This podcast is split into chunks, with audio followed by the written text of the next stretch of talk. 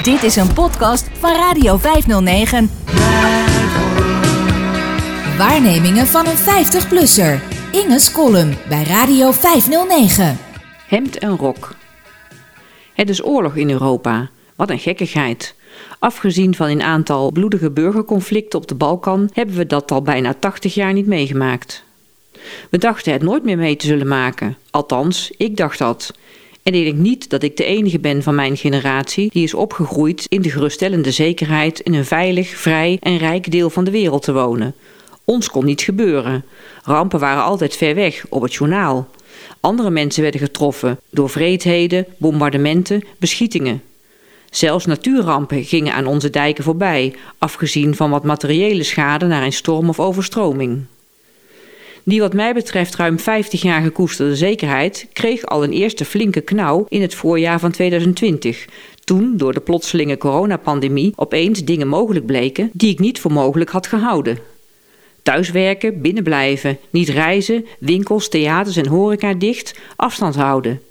Vergelijkingen met de Tweede Wereldoorlog werden gemaakt terecht of niet, hij deed er zeker wel aan denken. Vooral de onzekerheid van hoe lang nog en gaat dit wel voorbij of is dit voortaan de realiteit, was met een oorlogssituatie te vergelijken. En net toen we dachten dat we eindelijk eens lekker konden genieten van onze na twee jaar pandemische opsluiting hervonden vrijheid, was daar de man die alles kwam verpesten, Vladimir Poetin. Geen nieuw gezicht, we kennen hem al zo'n twintig jaar. Lastig was hij wel, niet erg democratisch, arrogant, wilde van Rusland weer een grootmacht maken, terwijl we daar sinds 1991 nu net zo lekker vanaf dachten te zijn. Poetin steunde separatisten in Oost-Oekraïne, in Donetsk en Lugansk. Maar dat weten we in Nederland eigenlijk vooral vanwege het neerhalen van de MH17 daar. De Krim werd ingepikt, verontwaardiging in NAVO, VN en EU. Maar Poetin zou heus wel zo verstandig zijn om het hierbij te laten. Nu kijken Europa en de rest van de wereld vol ongeloof toe. Dit hebben we generaties lang niet meegemaakt. Dit kan toch eigenlijk niet? Maar het kan wel, omdat één man het wil. En behalve protesteren, afkeuren en schande spreken, doen we niet veel. Nou ja, we doen natuurlijk wel wat. We ontnemen Poetin het erelidmaatschap van de Wereld Judobond. We boycotten lekker alles wat Russisch is. De wereldberoemde dirigent Gergiev ontnemen we het festival met zijn naam in Rotterdam. We stoppen met wodka drinken en bondmuts dragen. Dostoevsky en Pushkin worden niet meer vertaald.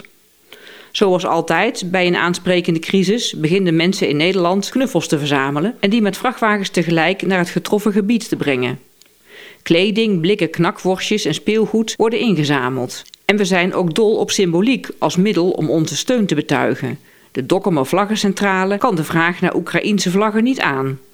Mensen sieren hun Facebook- of Instagram-account met die vlaggetjes. Van een vriendin hoorde ik dat een groepje wandelaars uit de Randstad straten vol met geel-blauwe vlaggetjes in Vught aanzag voor een uiting van solidariteit met de Oekraïners. Gelukkig kon zij hen uit de droom helpen, want het ging gewoon om carnavalsversiering. Sheila Chitalsin verwoordde het volgens mij goed in de Volkskrant vorige week. Blijf lekker thuis mensen. Breng je oude troep naar de kringloopwinkel en doneer geld op Giro 555. Daarmee kunnen professionals doen wat er gedaan moet worden. Je loopt daar in het oosten toch alleen maar in de weg en het is nog gevaarlijk ook. Het meest verbaast me nog hoe Nederlanders en andere Europeanen reageren op de vluchtelingenstroom die op gang gekomen is vanuit Oekraïne. Met open armen worden mensen ontvangen. Het lijkt wel of we niet kunnen wachten tot ze eindelijk hier in Nederland zijn. We gaan ze in huis nemen, laten ze werken in onze kassen, zonder dat een asielaanvraag nodig is. We hebben namelijk grote behoefte aan arbeidskrachten voor ongeschoold werk, waar we onszelf al generaties lang te goed voor voelen. En een vluchteling pakt natuurlijk alles aan, hoe slecht betaald ook. Elke regio in Nederland moet ruimte beschikbaar stellen voor Oekraïense vluchtelingen. Het is verbijsterend. Zijn we al die mensen in Griekse kampen alweer vergeten? Nederland neemt zo nu en dan, als het echt niet anders kan, onder protest en in ruil voor een of andere gunst een handjevol vluchtelingen op uit Moria of een van de andere verschrikkelijke kampen in Griekenland.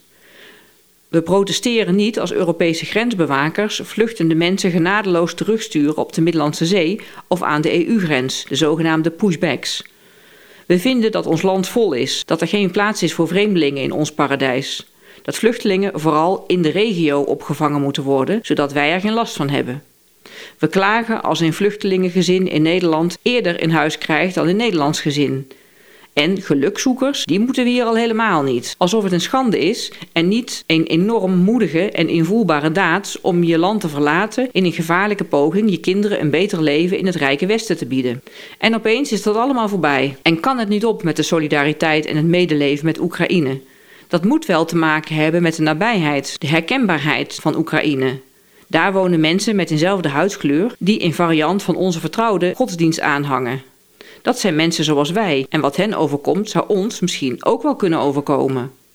Het hemd is nader dan de rok, zo luidt het gezegde. Mali, Soudaan, Syrië en Koerdistan zijn toch eigenlijk best ver weg. Wat gaat dat ons aan? Dat is Europa niet. Ik ben benieuwd hoe dat over twee, drie jaar zal zijn, als die Oekraïense vluchtelingen hier nog steeds zitten. Een huis en een baan nodig hebben, kinderen krijgen, overlast veroorzaken omdat ze getraumatiseerd zijn en zich hier niet thuis voelen. Over de tolerantie van mijn land maak ik me sinds Fortuin, Verdonk, Wilders, Baudet en al het andere tuig geen enkele illusie.